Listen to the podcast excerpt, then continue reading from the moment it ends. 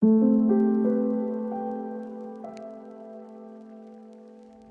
sudah lelah kalau ditanya, kapan nikah? Kapan kerja? Gini-gini aja gak kaya-kaya loh.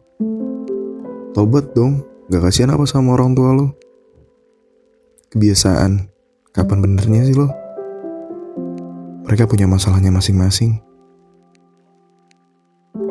Tapi, pernahkah kalian tahu, di balik omongan kalian, ada usaha yang mungkin mereka sudah lakukan berulang-ulang?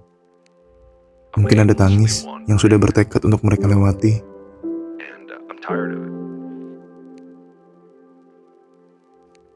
Dan ada marah yang selalu ditahan untuk sebuah kebaikan.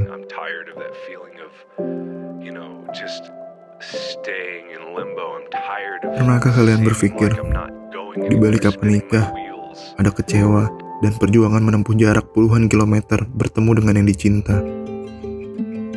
Di balik kapan kerja, ada ribuan kertas dan keringat yang menetes di setiap jalan ibu kota. Di balik jadi beban orang tua, ada hal yang sebenarnya dipaksakan tapi masih diusahakan. Di balik kapan jadi kaya, ada air mata yang tertahan melihat pengorbanan orang tua yang seadanya. Dan di balik amarah yang ditahan, pasti ada alasannya. Karena dia percaya hal itu dapat diperbaiki menurutnya. Jadi tolong hargai, karena mereka juga pasti punya alasan.